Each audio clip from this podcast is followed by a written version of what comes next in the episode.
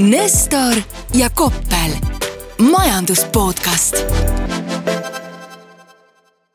tere kuulama järjekordset Nestori ja Koppeli majanduspodcasti. mina Mihkel Nestor, minuga koos siin juba väga elevil äh, Peeter Koppel. sest et tegemist on meie kümnenda järjestikuse podcast'iga, et me pärast võib-olla lubame endale ühe väikese sefiiritordi yeah ja noh, korraks võib-olla siis räägime ka, et kuidas meil see kümme podcast'i läinud on, et äh, ma olen juba kuulnud igasuguseid huvitavaid lugusid sellest, et äh, kuidas ja miks inimesed seda podcast'i kuulavad, et üks mu nagu lemmikuid oli, näiteks see, et üks Eesti selline tuntud tippjalgrattur kuulab seda just enne magama jäämist, sellepärast et kuulata Peeter Koppeli uinutavat häält, mis talle sellise hea ööune tooks no ma pean edaspidi olema võib-olla natukene energilisem sellisel juhul, aga ka mina olen enda hääle suhtes saanud teatud komplimente ja kui on vahetevahel toimunud mingisugune selline sisenemine seltskondadesse, siis mul on olnud kohati peaaegu tunne, nagu ma oleks Ivo Linna. sellepärast, et äh, mingisugune selline kuulsuse aura on tekkinud ja mitte millegi muu kui just nimelt podcast'i pärast. Aga ema endiselt kuulab? no selles mõttes, et äh, ma arvan, et ta ei kuula sellepärast, et ma ei ole küsinud, ma arvan, et ta ei kuula sellepärast, et ta kuulab muidu minu sellist juttu natukene niikuinii liiga tihti, nii et. aga igal juhul hoolimata sellest, et Peetri ema pole võib-olla viimaseid episoode kuulanud, et äh, kolm tuhat äh, kuulajat siin peaaegu iga episoodi kohta, et äh, meie oleme väga õnnelikud. täiesti. aga esimene teema, et kui enne tänast podcast'i sinu käest küsisin, et millest sina täna rääkida tahaksid, et siis sulle oli hingelähedane selline väike teatav turgude tagasipõrge, mis meil võib-olla eelmise nädala lõpus aset leidis, et pärast sellist pikaajalist langust. aga vaatasin täna hommikul numbreid, et tundub, et jätkub ikkagi see punane maailm seal jah. no see punane maailm on võrreldes reedese tõusuga küll suhteliselt nigel, aga kui me nüüd varasemat perioodi vaatame, siis on tõepoolest äh, see aasta ei ole olnud absoluutselt äh, üheski nagu kontekstis ilus. no jätame toormed välja, jätame energiasektori välja, aga kõik muu on saanud pihta. Ja pihta on saanud äh, enamus varaklasse ma just vaatasin mingit datat siin hommikul juurde, et äh, kui võrrelda siis jah, aasta algusega, et äh, USA-s näiteks SB viissada miinus kaheksateist protsenti, arenevad turud miinus kaheksateist protsenti ja siis Euroopas hurraa, miinus viisteist protsenti. kusjuures huvitav on selle juures see, et kui me nüüd vaatame, hakkame sinna sisse vaatama, siis suure osa sellest langusest on tekitanud ikkagi tehnoloogiasektor ja tehnoloogiasektor just nimelt nii-öelda need suuremad tegijad ja tehnoloogiasektori puhul need eksootilisemad tegijad on kohati ikkagi kümneid ja kümneid protsente oma kõigi aegade tipust äh, allapoole tulnud.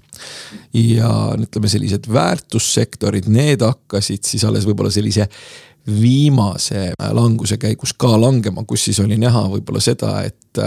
et mingisugused institutsionaalsed investorid äh, on sunnitud äh, maha laadima aktsiat kui varaklassi ja kusjuures müügiks läheb juba kõik, et mitte siis ainult, äh, mitte siis ainult tehnoloogia, mis on intressitõusude suhtes kõige tundlikum ja mis on fundamentaalselt olnud siis justkui kõige kallim aga no selle tehnoloogiasektori kõrval ilmselt mõjutab maailma täna ikka väga palju see ka see, et mida arvatakse inflatsioonist ja eriti siis näiteks toiduainehindade tõusust, mis ja, ja intressitõusud sellega kaasnevalt, et mis siis mõjutab just neid arenevaid turgusid, kes teatavasti sellistest sündmustest ajalooliselt on kõige rohkem pihta saanud. No arenevate turgudega kipub olema selline lugu küll, et üldiselt kui võtta toiduhindade indeks ette ja vaadata sealt mingisugune nii-öelda tõmmata mingi joon, mingisugune tase, siis tavaliselt äh, mingisuguste tasemete ületamisel kuskil ikkagi äh, toimuvad mingisugused suuremad poliitilised äh, mullistused, sellepärast et see on noh, see on selgelt traagiline, et kui inimesed ikkagi nagu äh, omal nahal tunnetavad, et elamine selles mõttes toidu mõttes, ehk siis kõige vajalikuma asja mõttes läheb nagu niivõrd märkimisväärselt kallimaks, siis nad muutuvad äh, suhteliselt pahuraks. mis aga sellist inflatsioonipilti nagu üldiselt puutub, siis noh, Ühendriikides natukene tundub, et äh, hakkab justkui järele andma võib-olla ehk siis. aktsiad kohe lähevad ülesse, jah? no kas need aktsiad ülesse lähevad, aga noh, igal juhul mingisugust pidurdumist on äh, tunda ja kui selle pidurdumise sellist tagajärge, äh, tagajärgedele mõelda, siis võib eeldada ka seda, et äkki need keskpanga signaalid edaspidi ei ole niivõrd kurjad ja, ja, ja intressitõusule orienteeritud, et, et ilmselt võib juhtuda, et turg natukene hindas nende intressitõusude kiirust ja, ja ulatust üle, aga üle. no ma ütlen, mina hakkan natuke juba rahutuks muutuma, et noh, mina olen selline, ma ei ole mingisugune spekulant, et mina olen selline rahulik investor, kes siis iga kuu soetab oma sellise kindla koguse oma väikseid ETF-ikesi ja siis teab, et kunagi ühel, ühel kaugel-kaugel päeval kõik see maksab palju rohkem kui see, kui palju ma sellest täna välja käin, aga kui see selline nagu punane laine on siin juba pikemat aega kestnud, et ma hakkan ka ennast ebamugavalt tundma, et mis sa sinna nagu raha sisse matad niimoodi, kui kogu aeg hoopis, hoopis selle raha, selle väärtus seal nii-öelda kahaneb. aga vaata, sellega ongi niimoodi, et äh, kui sa tegeled sellise pikaajalise investeerimisega, siis tuleb mõelda sellele väga toredale mõttele, et äh, finantsturud, finantsturgude üks funktsioon on äh, raha nii-öelda äravõtmine kannatamatutelt ja selle andmine kannatlikele. ehk siis sellise pikaajalise ja pideva investeerimise peamine mõte ongi see, et sa võtad, ostad ka siis, kui on, kui on odav. mis puudutab, ütleme neid indeksite tasemeid, siis noh, kui arvestada seda negatiivset emotsiooni ja seda seda juttu, et kõik on nüüd läbi ja, ja maailma lõpp ja nii edasi, siis see tuleb enamasti nende inimeste suust, kes on peamiselt olnud tehnoloogiasektoris omadega. ja kui nüüd mõelda jällegi seda SB viitesadat ja seda miinus kaheksateist protsenti, siis äh, üldiselt äh, kuni kahekümne protsendini kiputakse rääkima korrektsioonist ja need on paraku nii-öelda sellised liikumised, mida ikka juhtub need ei ole päris kindlasti sellised liikumised, mis kellelegi meeldida saaks, võib-olla mingisugustele paduspekulantidele, kes lihtsalt otsustaval hetkel lühikesi positsioone võtavad aga kuni kahekümne protsendini on tegemist korrektsiooniga. ja see on huvitav, kuidas selline inimene kipub massis huvitavalt käituma, et äh, tavaliselt ikkagi põrgatakse kümne protsendi juurese miinuse juurest ja ka kahekümne protsendise miinuse juurest äh, põrgatakse. ja siin praegu, kui nüüd mõelda seda põrkamise kohta, et kas võiks olla natukene põrkamise kohta, siis tegelikult võiks küll, sellepärast et äh, noh, ettevaatavad PE-d on jõudnud võib-olla sinna kuhugi kuueteistkümne juurde ja see on kangesti sellise ajaloolise keskmise moodi, et ühest küljest nagu võiks olla põrkamise koht küll. et ei ole tegemist surnud kassiga? Äh, surnud kassiga antud kontekstis aktsiaturgude puhul mina väidaksin, et tegemist päris olla ei saa, sellepärast et surnud kass eeldaks siis, et me oleksime juba ka päriselt nii-öelda karuturul. ja vähemalt laiapõhjaliste indeksite kontekstis me karuturul ei ole. mina nägin äh, Twitteris äh, sellist, see oli vist Poolas, ma arvan, selline tore töökuulutus kohaliku suure ettevõtte nimega McDonalds poolt, kes siis otsis endale uusi töötajaid ja oli selle pöördumise suunanud nagu krüptomeestele et hei krüptomehed, et töökohad on pakkumisel, ma saan aru, et see erutas ka sind see erutas mind küll sellepärast, et noh, krüpto puhul on selgunud, ma kasutaksin seda sõna võib-olla niimoodi suhteliselt jutumärkides, et see ei saa nüüd olla väga suur üllatus. on selgunud, et tegemist on lihtsalt väga kõrge beetaga riskantse varaga. mis tähendab siis seda, et kui riskantsed varad tõusevad siis noh, tõuseb ka krüpto ja tõuseb julgelt, aga kui riskantsed varad kukuvad, siis kukub krüpto ka ikkagi väga-väga julgelt. ja nüüd, kui nüüd hakata mõtlema seda, et noh, siin on, eks ole, olnud lootusi, et kõik saavad krüptoga rikkaks. noh, mõned on saanud endale paadid, korterid ja mõisad, see on väga tore, aga nüüd on kätte jõudnud selline aeg, et kus tõenäoliselt sellega rikkaks ei pruugi ikkagi lõppkokkuvõttes saada esiteks sellepärast, et tegemist on lihtsalt kõrge beetaga riskantse varaga, teiseks neid funktsioone, mis seal krüptole nagu juurde haagiti, et küll ta pidi inflatsioonikaitse olema, no ei ole kippunud olema, nii et noh, ja see kasutusväärtus ikkagi, et ma jätkuvalt äh, ei tea nagu viite inimest, kes oleks krüpto eest äh, suutnud soetada kohvi, ehk siis see raha funktsioon on jätkuvalt selline ütleme, mu, mu nägu on selline suhteliselt hapu, kui ma sellest, sellest kõigest räägin, ühest küljest ilmselt sellepärast, et äh, ma ei ostnud kunagi mm, neljasaja euroga Bitcoini, kui ma seda osta tahtsin. aga teisest küljest selles mõttes, et see ei ole ikkagi midagi nii fantastilist, mida need ilmselt praegu varsti McDonaldsis töötavad tegelased selle kohta rääkinud on. ma just mõtlesin, et oleks tahtnud teha mingeid meeme praegu Peetrist, et äh, krüptomehed oleks saanud kasutada hiljem. aga muudest uudistest, et äh, meil sai eelmisel nädalal SEB grupis siis äh, valmis uus majandusprognoos ja palju põnevat seal. Peeter, ma nägin, et sa ka lehitsesid seda, et mida sina enda alt sealt siis põnevat alla joonisid ma joonisin alla selle, et globaalne majanduskasv, et selle prognoosi tõmmati allapoole. mis ei ole väga üllatav, sellepärast et igasugused suured institutsioonid,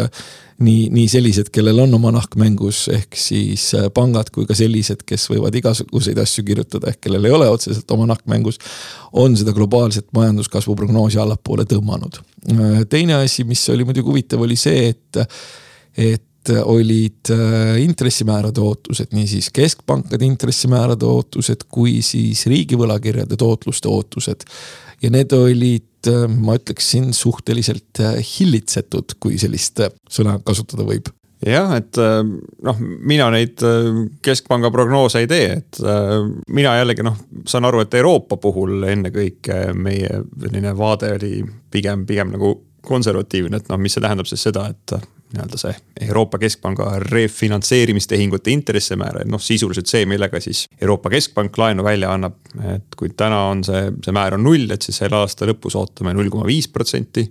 järgmise aasta lõpus üks koma kakskümmend viis protsenti et ei tundu nagu väga suured numbrid, aga samas, kui sa mõtled selle Euroopa majanduse peale ja mis suunas see lugu meil siin üldse kipub sellel aastal tüürima siis minu enda jaoks see ka ei tundunud kuidagi väga ebaloogiline, aga sa oled võib-olla vaadanud nagu teiste analüüsimajade prognoose, et mis siis, mis siis teised räägivad? ei no selles mõttes, et see ei tundu ebaloogiline selles kontekstis, kui me mõtleme, et meil Euroopas ikkagi äh, seoses äh, madistamisega Ukrainas ja energiahindadega ja, ja kogu selle võib-olla sellise alanenud tarbija usaldusega, et, et, et see majanduse temperatuur ei saa olema eriti kõrge, et see selles kontekstis võib-olla tundub loogiline. teisest küljest noh, paneme ikkagi sellise suhteliselt kõrge inflatsiooni sinna vastu.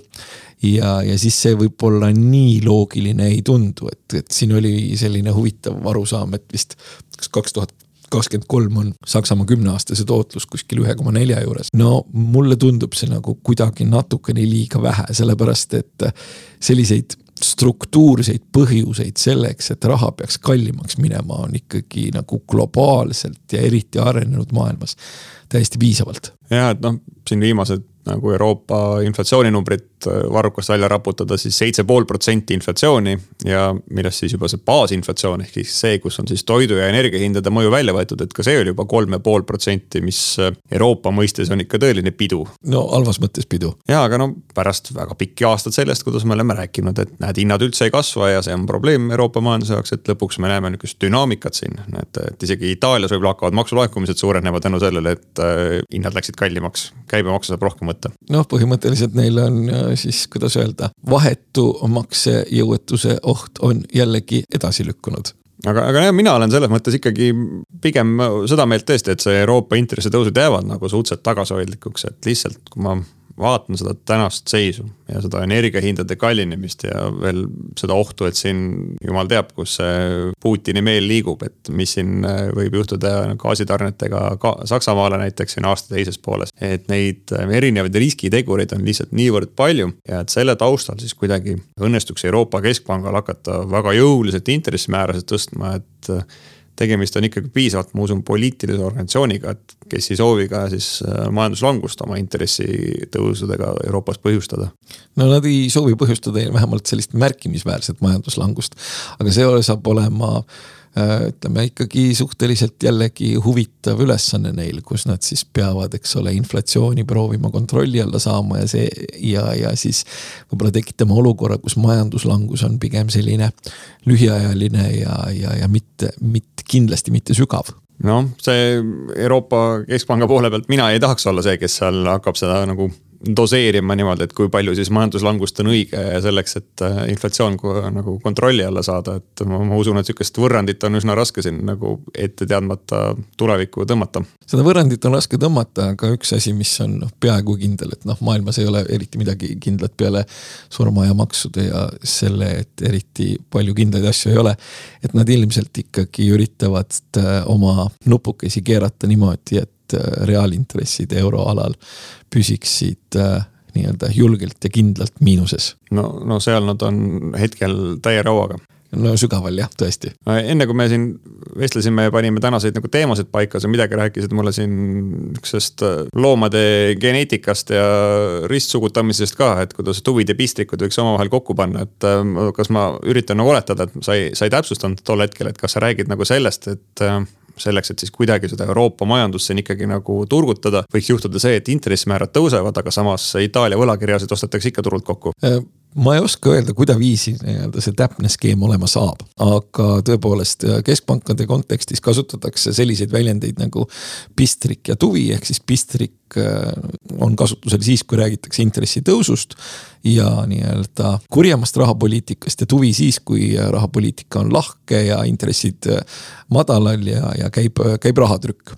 et nüüd tõepoolest, kui me oleme siis jõudnud sellisesse kohta, kus eeldatavasti inflatsioon natukene nii-öelda Ühendriikides järele annab, intresside tõusu ootused on päris, päris kõrged. ehk siis põhimõtteliselt ollakse pistrikud ikkagi edasi, kuid vahepeal räägitakse lihtsalt vahepeal sellist tuvisemat juttu, ehk siis mingisugune pehmenemine võiks äh, aset leida. ja see pehmenemine, noh, see otsene seos võib-olla aktsiaturgudega on äh, natukene sellisem keerulisem aga noh, ma pakun ka, et ega tegelikult ka näiteks Föderaalreserv ei taha sellist olukorda, kus siis äh, see, see langustrend, nii-öelda ebameeldiv äh, liikumine, ebameeldivalt järsk liikumine ja allapoole liikumine. et see nii-öelda väga püsivaks muutub, sellepärast et et äh, siin on ütleme selline huvitav äh, majandusteaduslik kontseptsioon nagu rikkusefekt, mida on väga raske mõõta. aga üldiselt kipub olema niimoodi, et kui aktsiaturud väga langevad, siis ühel hetkel inimesed leiavad, et kõik on halvasti ja lõpetavad tarbimise ära. ja noh, mõeldes ka võib-olla Föderaalreservi tippametnike peale, ma ei tea, nad tohivad omada väärtpabereid või? kõige hullem on see, et äh, nad tohivad ja kõige hullem on see, et nad suslikud on isegi treidinud neid. no vot, nemad jäävad ikkagi, lähevad ka murelikuks ju sellise pikaajalise negatiivse trendi korral. nüüd jah, tundub, et nad siiski kuidagi äh, tundub, et nagu neil see treidimine keelati ära, aga noh, loomulikult Ühendriikides on äh, ports rahvasaadikuid, kes rahulikult võivad äh, siis nii-öelda siseteabele põhineva kauplemisega tegeleda, et, et siin oli piisavalt palju näiteid sellest, et kui kohe, kui, kohe kui teada saadi, kui halba, halvad lood on kahe tuhande kahekümnenda aasta kevadel, et siis mitmed rahvasaadikud tormasid kohe hirmsamal kombel kauplema ja lõpetasid selle maailma majanduse jaoks ja inimeste jaoks suhteliselt negatiivse perioodi suhteliselt mõnusa joonealuse kasummiga. aga tulles ikkagi tagasi selle Euroopa juurde, siis äh, siin on nagu arutatud selle üle, et kuidas äh, hakkama saada sellises olukorras, kus Euroopa inflatsioon võib äh, osutuda väga kõrgeks ja seda pikema perioodi vältel. ja samal ajal meil on siin suures euroalas selliseid majandusi, kes nagu kõrgemate intressimääradega kuidagi hakkama ei saa. ja, ja üks selline teooria, millest siis on räägitud, on see, et äkki saab intressimäärasid tõsta ja samal ajal ikkagi seda Itaalia võlakirja kokku osta ja kuidagi läbi selle ajada nii-öelda ühe valuutatsooni sees kahte erinevat rahapoliitikat, et ähm, kuidas sinu usk sellesse on? no selles mõttes, et ma ei, ähm, olles näinud pärast Euroopa võlakriisi igasugu huvitavaid kaootilisi improvisatsioone. ma arvan, et mingisugused plaanid selle osas on täiesti olemas, sellepärast et äh, kindlasti teatakse Frankfurdis paremini kui, kui meie teame seda, et. kus kohas äh, maailma seitsmendaks suurimal majandusel ehk Itaalias äh, intressimäärade kontekstis pitsitama hakkab ja tundub ju siis, et kuna praeguseks pole veel midagi tehtud, et siis otseselt pitsitama pole, pole hakanud. ja koduseks ülesandeks võin jätta selle, et vaadata, et palju on Itaalia kümneaastase riigi võlakirja tootlus ja võrrelda seda Saksamaa omaga ja siis mõelda, et mida see kõik tähendada võiks noh, vaata reaaltootlust, et ei ole hullu ju. no reaaltootlus on ikkagi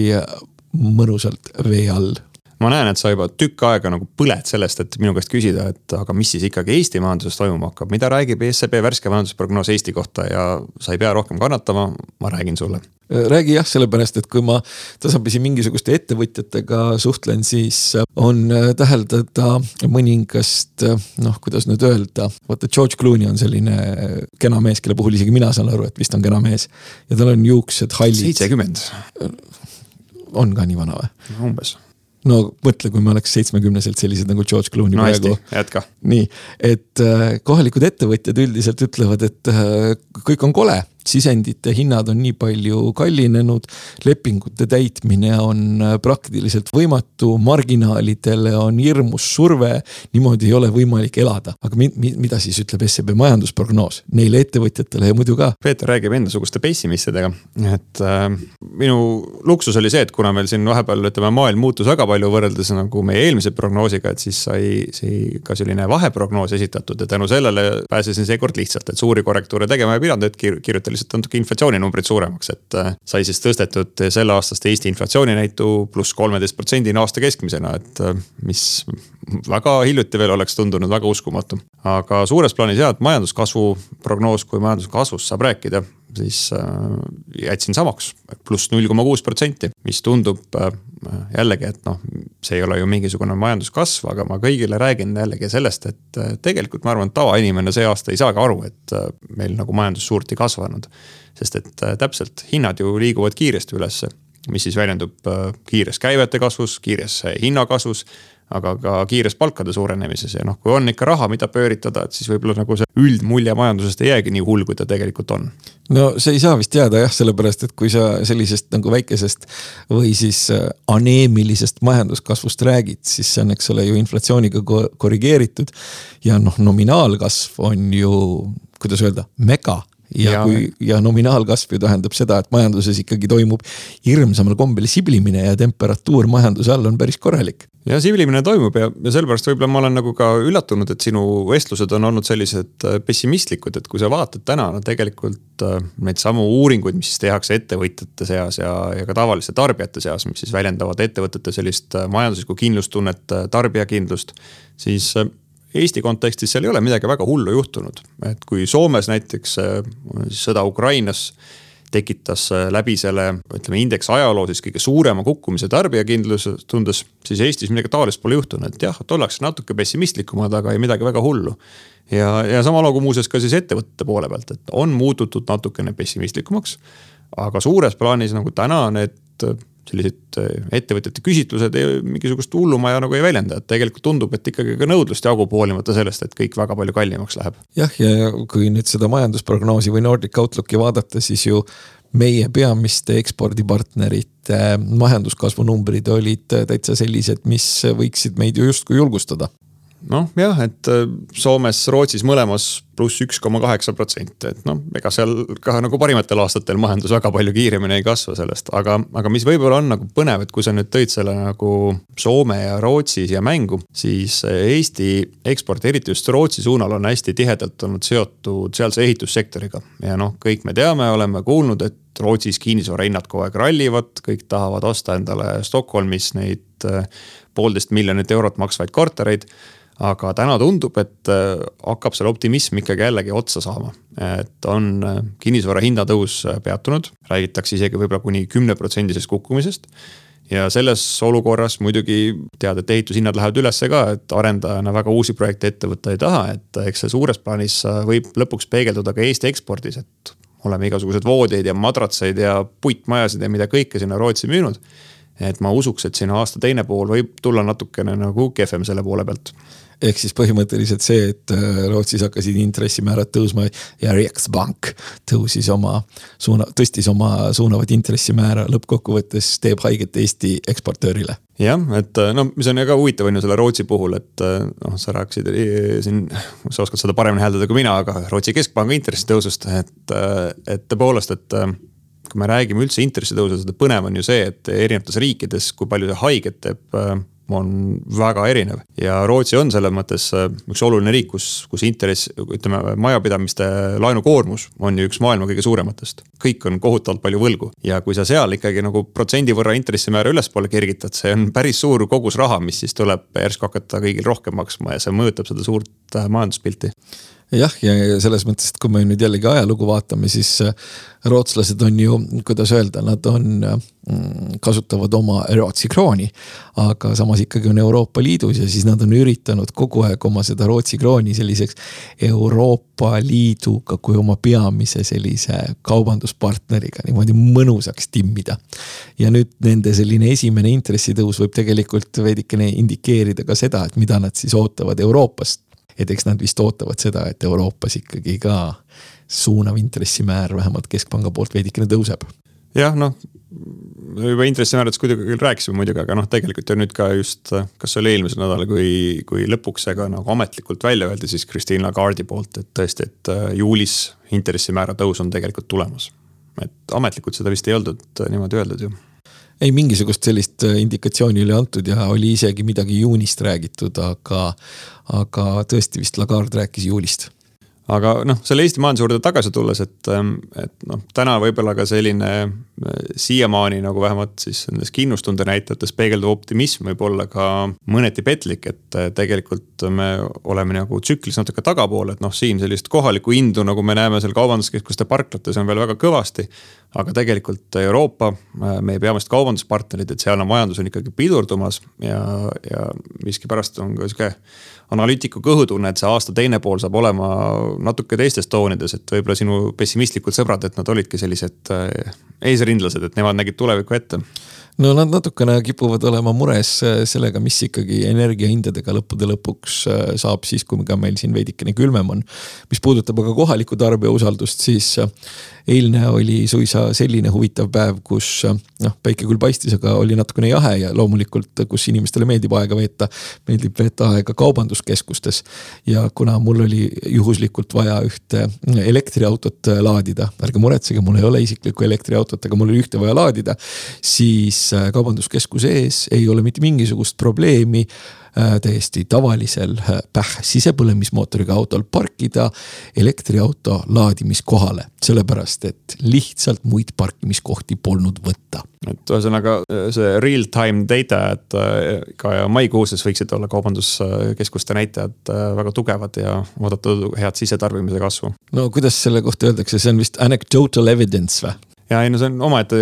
teadusharu, ütleme USA-s ju, et kus kuskil mingisuguste satelliidipiltidega mõõdetakse ära, et kui mitu autot äh, kaubanduskeskuse parklas oli ja et kui hästi see suudab ette ennustada siis lõpuks nagu majapidamiste eratarbimist riigis tervikuna. mina mäletan ka mingisuguseid indikatsioone, et oli äh, huulepulgatoonid ja siis, et kas meestel on kaherealised või üherealised äh, ülikonnad. et kui lähevad ikkagi kaherealisteks ja reväärid lähevad hästi laiaks, et siis ilmselt majandus sedasi buumib, et varsti on mingisugust negatiivset plõksu oodata. ja et noh, see, see tees Eesti majanduse puhul ikkagi kehtib, et me sõltume sellest äh, välisest maailmast äh, kokkuvõttes palju, et äh, noh, ka, ka eelmisel aastal on ju, et kui sa vaatad, et siis võtad Eesti ekspordi rahaliselt, palju see kokku oli ja võtad Eesti sisemajanduse kogutoodangu, palju see rahaliselt kokku oli. jagad omavahel ära, noh saad kaheksakümmend protsenti mis siis nagu peegeldab eelkõige siis seda, et kui palju on neid ettevõtteid ja inimesi, kelle igapäevane leib on sellega seotud, et õnnestuks midagi sinna üle piiri kuhugi, eriti Skandinaaviasse maha müüa. Ja, ja noh, täpselt see on see kõhutunne, mis mul on, et äh, see müügitegevus siin aasta teises pooles ei ole võib-olla enam niivõrd, äh, niivõrd lihtne, kui see varasemalt olnud on, et kui pead kakskümmend viis protsenti rohkem ka küsima muidugi tänu no, sisendhinna tõusule. aga kui me nüüd võrdleme mingisuguse sellise eelmise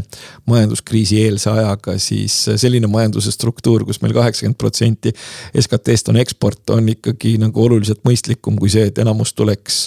põllu peale poriloiku ehitatud tordikarbist jah, ja noh, traagiline, kui see ka on, et eelmistel aastatel me need oleme ka siin kõvasti ehitanud, ehitusmahud muidugi on kõrged, aga, aga noh, võrreldes selle eelmise aastaga kaks tuhat kaheksa, millest meil armastatakse jälle rääkida. siis noh, toona, kui me ehitasime need majasid ise, siis siiamaani meil olid ukrainlased hoopis abis siin seda ehitustööd tegemas ja noh, nemad on niikuinii läinud. jah, ja noh, kui meil ikkagi intressimäärad nagu kõrgemaks lähevad, siis noh eeldaks äkki, et natukene need hinnad pidurduvad. kuigi noh, me oleme siin, ma arvan, eeldanud seda kõik oma kümme podcast'i nagu mingisuguses kontekstis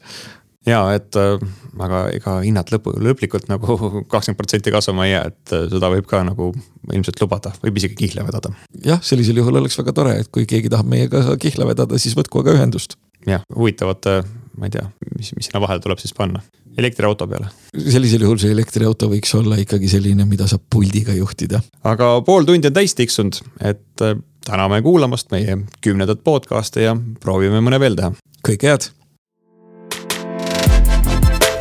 Nestor ja Koppel, majandus podcast